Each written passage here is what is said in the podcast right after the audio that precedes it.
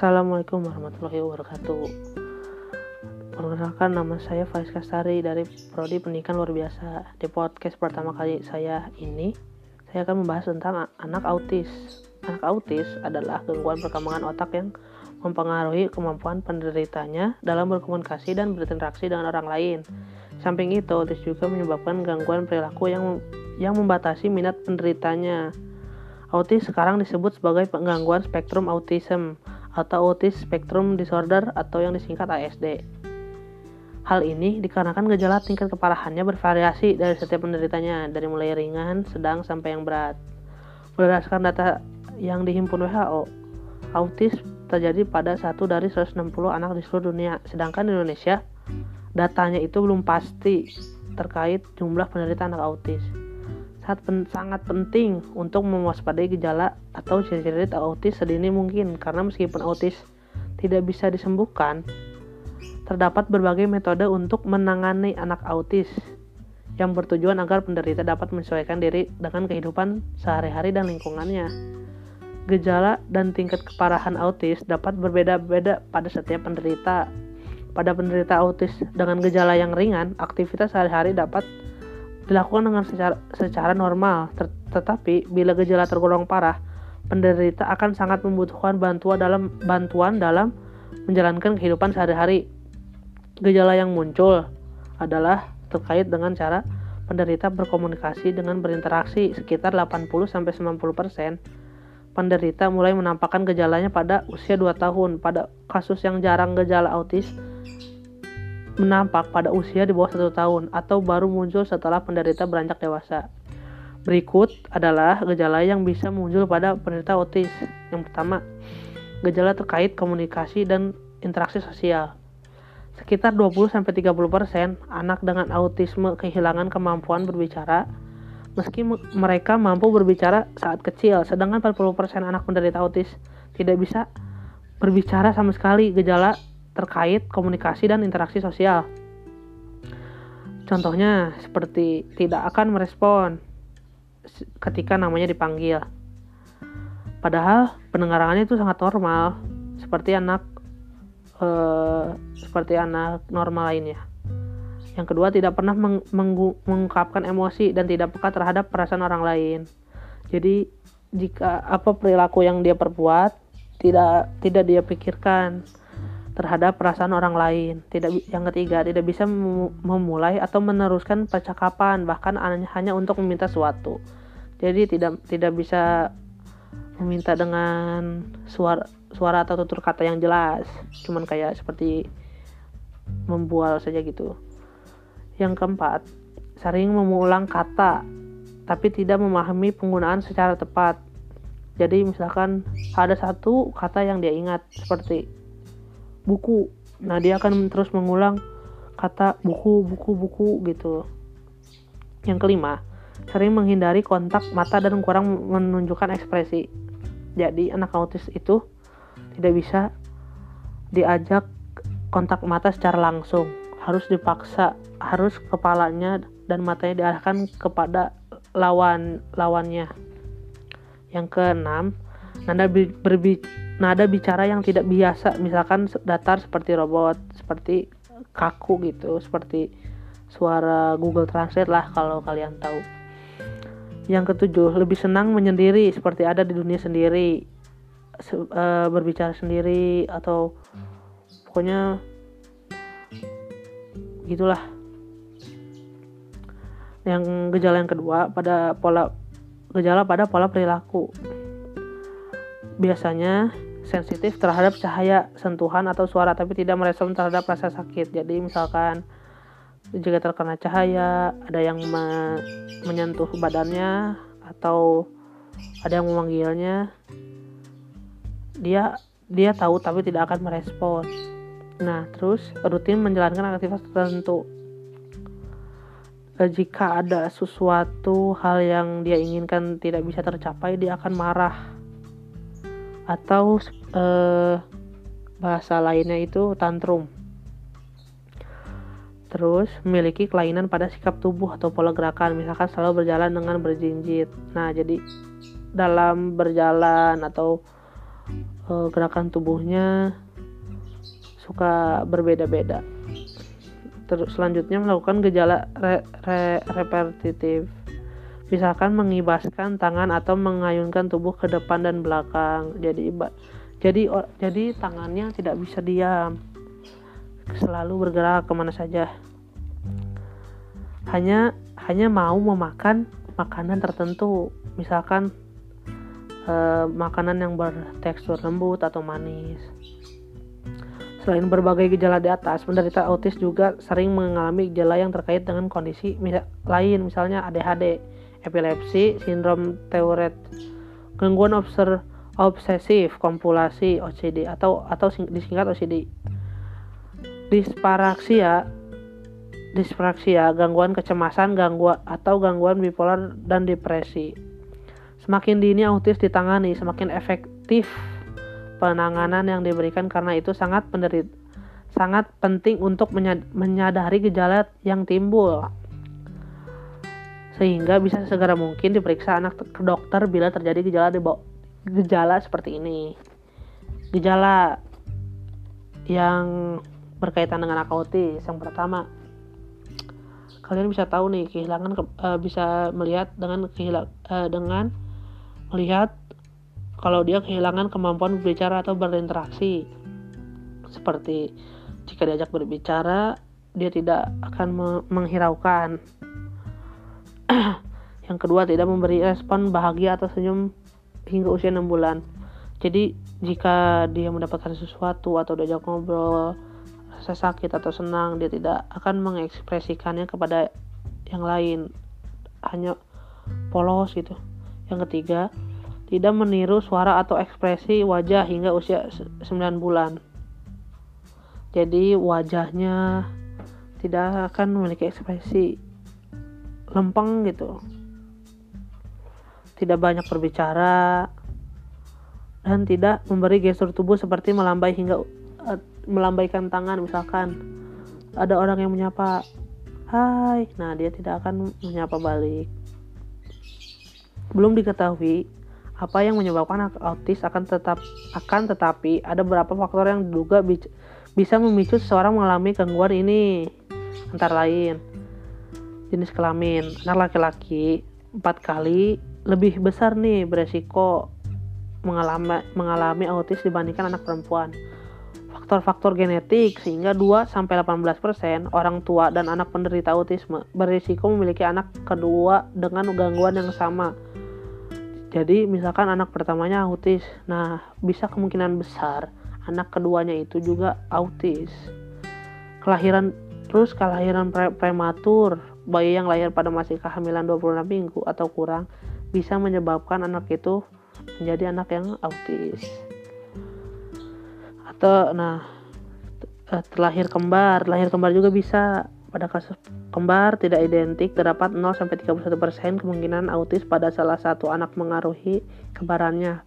Juga mengalami autisme. Pengaruh autisme makin besar pada anak yang terlahir kembar identik yaitu 36-95%. Jadi kalau anak kembar identik bisa mempengaruhi anak uh, autis juga usia Semakin tua usia saat memiliki anak, semakin tinggi risiko memiliki anak autis. Jadi, jika ada kedua orang satu kedua orang tua yang baru menikah pada di, di usia um, sekitar usia umur 35 sampai 40 tahunan beresiko anaknya itu menjadi autis sekitar 28%. Resiko menjadi 60, 60% pada usia 50-an. Jadi jika kedua orang tuanya baru menikah sekitar umur 40 lalu memiliki anak umur sekitar 50 besar kemungkinan anaknya bisa menjadi anak autis. Uh, jika dibandingkan dengan jika dibandingkan dengan menikah di bawah umur 25 tahun resiko memiliki anak autis itu sangat sangat kecil nah dan pengaruh penggangguan lainnya beberapa gangguan tersebut antara lain dis distrofi otot, refleksi X sindrom, lumpuh otak atau cerebral palsy, neurobiromotosis, sindrom Down, dan sindrom Rett. Pajan, pajanan selama dalam kandungan, konsumsi minuman beralkohol atau obat-obatan tertentu juga bisa memicu anak menjadi autis pada saat kehamilan. Pada, perlu diketahui nih, tidak ada keterkaitan antara per, pemberian vaksin, terutama vaksin MMR dengan anak menjadi autis. Justru dengan memberikan vaksin, anak akan terhindar dari virus infeksi seperti campak atau gondongan. Autisme juga terbukti tidak terkait dengan konsumsi makanan yang mengandung gluten atau konsumsi susu dan produk turunannya. Anak-anak autis memang tidak mungkin bersekolah di sekolah umum.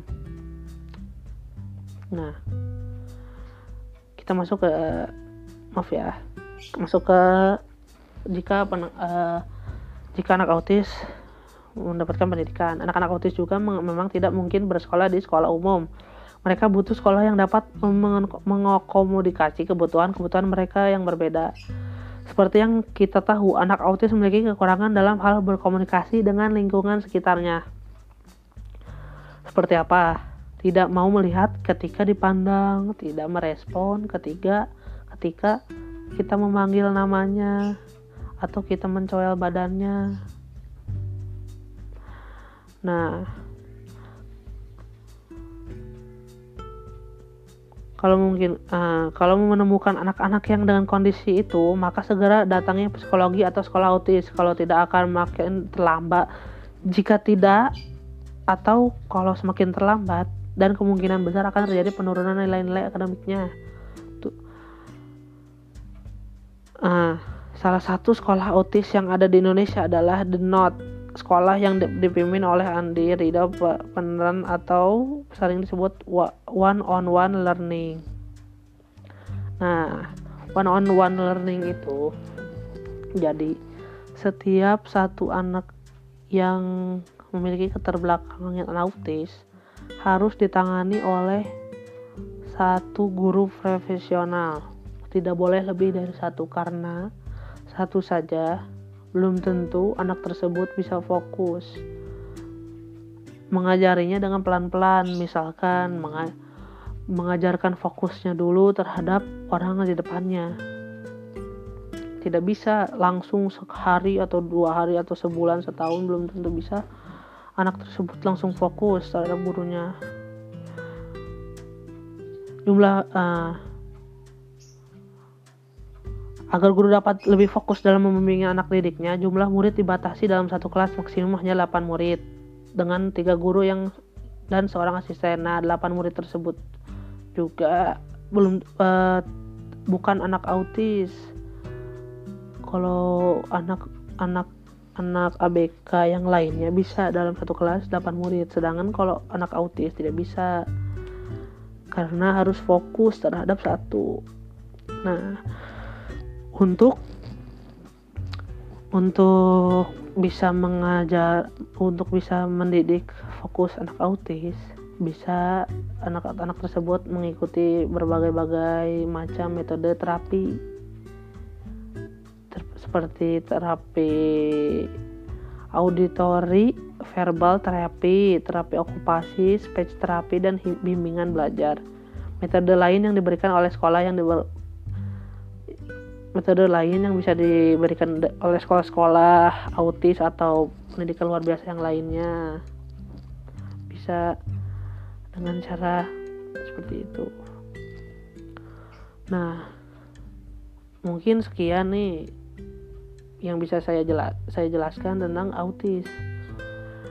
Mohon maaf banyak sekali kesalahan dalam pengucapan atau pembahasan karena ini podcast pertama saya. Terima kasih telah mendengar podcast saya. Wassalamualaikum warahmatullahi wabarakatuh.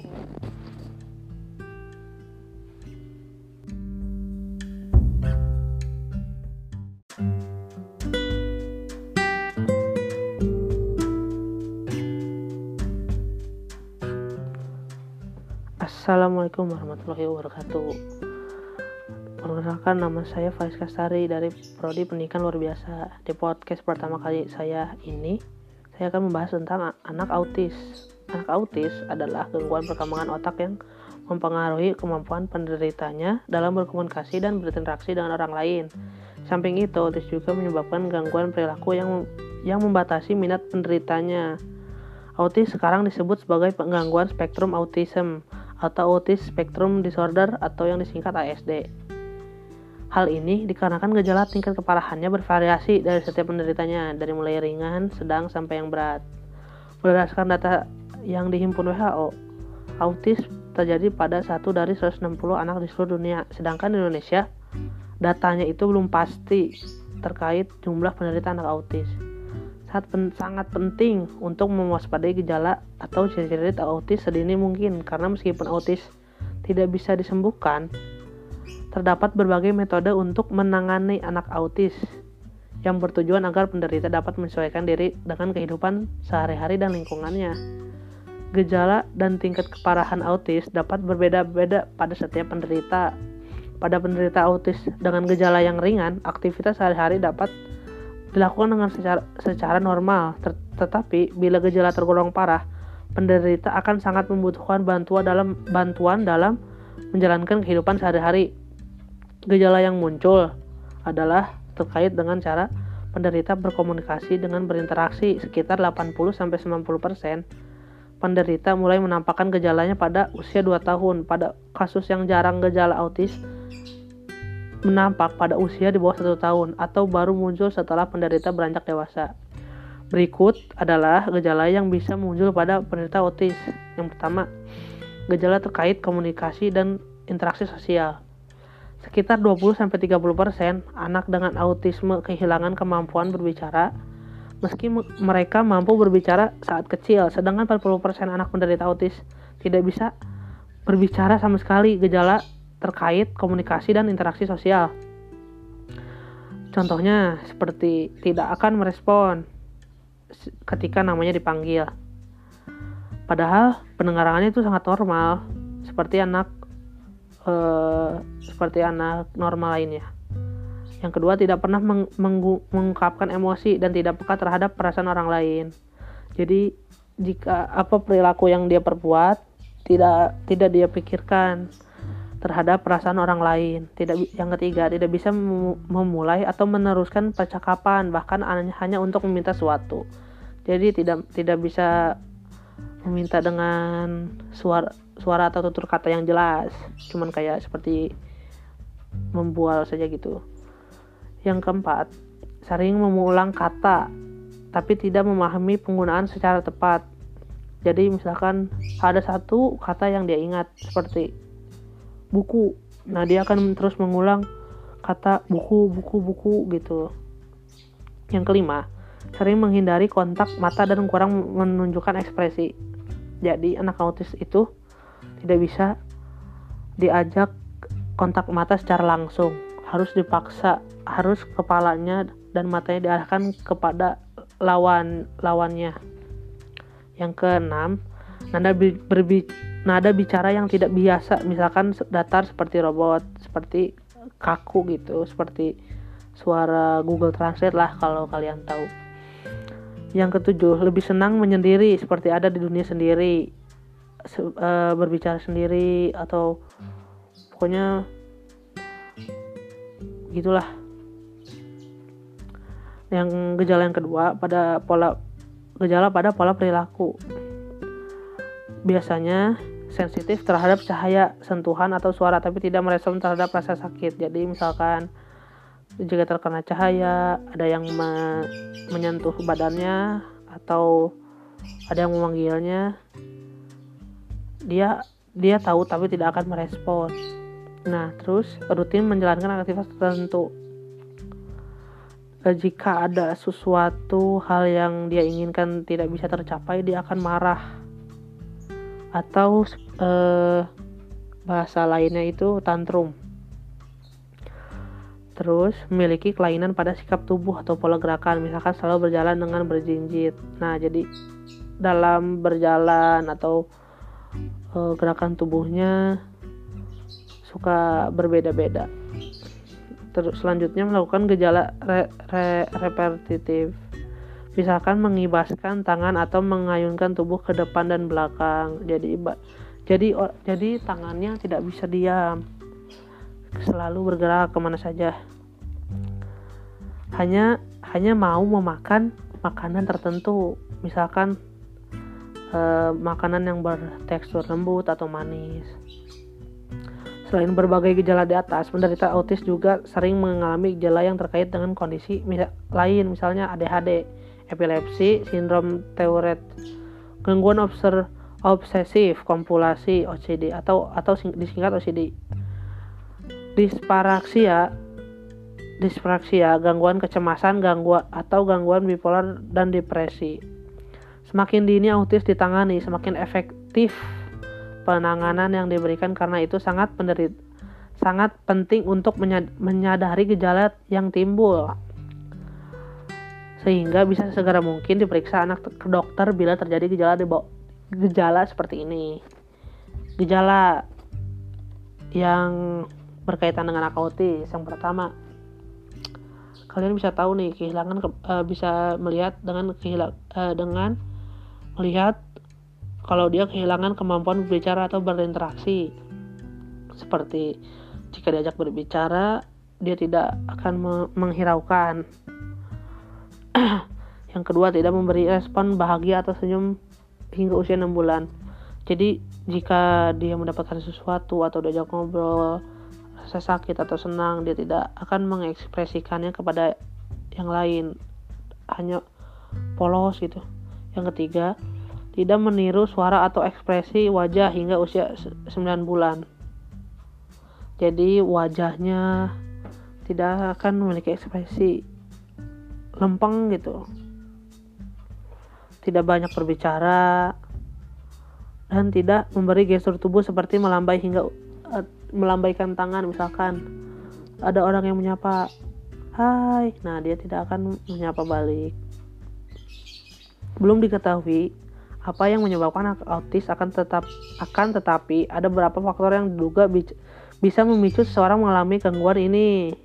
Antara lain jenis kelamin. Anak laki-laki empat kali lebih besar nih beresiko mengalami mengalami autis dibandingkan anak perempuan. Faktor-faktor genetik sehingga 2 sampai 18% orang tua dan anak penderita autisme berisiko memiliki anak kedua dengan gangguan yang sama jadi misalkan anak pertamanya autis, nah bisa kemungkinan besar anak keduanya itu juga autis. Kelahiran terus kelahiran pre prematur, bayi yang lahir pada masih kehamilan 26 minggu atau kurang bisa menyebabkan anak itu menjadi anak yang autis. Atau nah eh, terlahir kembar, lahir kembar juga bisa pada kasus kembar tidak identik, terdapat 0-31% kemungkinan autis pada salah satu anak mengaruhi kembarannya. Juga mengalami autisme. Pengaruh autisme makin besar pada anak yang terlahir kembar identik yaitu 36-95%. Jadi kalau anak kembar identik bisa mempengaruhi anak uh, autis juga usia Semakin tua usia saat memiliki anak, semakin tinggi risiko memiliki anak autis. Jadi, jika ada kedua orang satu kedua orang tua yang baru menikah pada di, di usia um, sekitar usia umur 35 sampai 40 tahunan beresiko anaknya itu menjadi autis sekitar 28%. Resiko menjadi 60, 60% pada usia 50-an. Jadi jika kedua orang tuanya baru menikah sekitar umur 40 lalu memiliki anak umur sekitar 50 besar kemungkinan anaknya bisa menjadi anak autis. uh, jika dibandingkan dengan jika dibandingkan dengan menikah di bawah umur 25 tahun resiko memiliki anak autis itu sangat sangat kecil nah dan pengaruh penggangguan lainnya beberapa gangguan tersebut antara lain dis distrofi otot, refleksi X sindrom, lumpuh otak atau cerebral palsy, neurobiromotosis, sindrom Down, dan sindrom Rett. Pajan, pajanan selama dalam kandungan, konsumsi minuman beralkohol atau obat-obatan tertentu juga bisa memicu anak menjadi autis pada saat kehamilan. Pada, perlu diketahui nih, tidak ada keterkaitan antara per, pemberian vaksin, terutama vaksin MMR dengan anak menjadi autis. Justru dengan memberikan vaksin, anak akan terhindar dari virus infeksi seperti campak atau gondongan.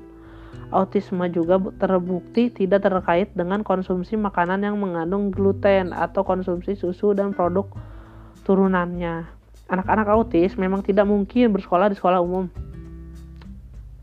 Nah, kita masuk ke maaf ya masuk ke jika pen, uh, jika anak autis mendapatkan pendidikan anak-anak autis juga memang tidak mungkin bersekolah di sekolah umum mereka butuh sekolah yang dapat mengakomodasi kebutuhan-kebutuhan mereka yang berbeda.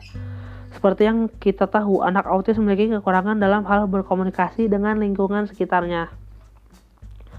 Seperti apa? Tidak mau melihat ketika dipandang, tidak merespon ketika ketika kita memanggil namanya atau kita mencoel badannya. Nah,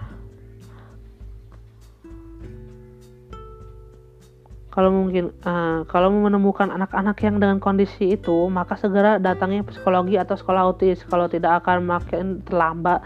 Jika tidak atau kalau semakin terlambat dan kemungkinan besar akan terjadi penurunan nilai-nilai akademiknya. Uh, salah satu sekolah autis yang ada di Indonesia adalah The Knot, sekolah yang dipimpin oleh Andi Ridho peneran atau sering disebut one on one learning. Nah, one on one learning itu jadi setiap satu anak yang memiliki keterbelakangan autis harus ditangani oleh satu guru profesional tidak boleh lebih dari satu karena satu saja belum tentu anak tersebut bisa fokus. Mengajarinya dengan pelan-pelan, misalkan mengajarkan fokusnya dulu terhadap orang di depannya. Tidak bisa langsung sehari atau dua hari atau sebulan setahun belum tentu bisa anak tersebut langsung fokus terhadap gurunya. Jumlah uh, Agar guru dapat lebih fokus dalam membimbing anak didiknya, jumlah murid dibatasi dalam satu kelas maksimum hanya 8 murid dengan tiga guru yang dan seorang asisten. Nah, 8 murid tersebut juga belum uh, bukan anak autis. Kalau anak anak anak ABK yang lainnya bisa dalam satu kelas 8 murid, sedangkan kalau anak autis tidak bisa karena harus fokus terhadap satu. Nah, untuk untuk bisa mengajar untuk bisa mendidik fokus anak autis bisa anak-anak tersebut mengikuti berbagai-bagai macam metode terapi ter seperti terapi auditori, verbal terapi, terapi okupasi, speech terapi dan bimbingan belajar. Metode lain yang diberikan oleh sekolah yang metode lain yang bisa diberikan oleh sekolah-sekolah autis atau pendidikan luar biasa yang lainnya. Bisa dengan cara seperti itu. Nah mungkin sekian nih yang bisa saya jelas saya jelaskan tentang autis. Mohon maaf banyak sekali kesalahan dalam pengucapan atau pembahasan karena ini podcast pertama saya. Terima kasih telah mendengar podcast saya. Wassalamualaikum warahmatullahi wabarakatuh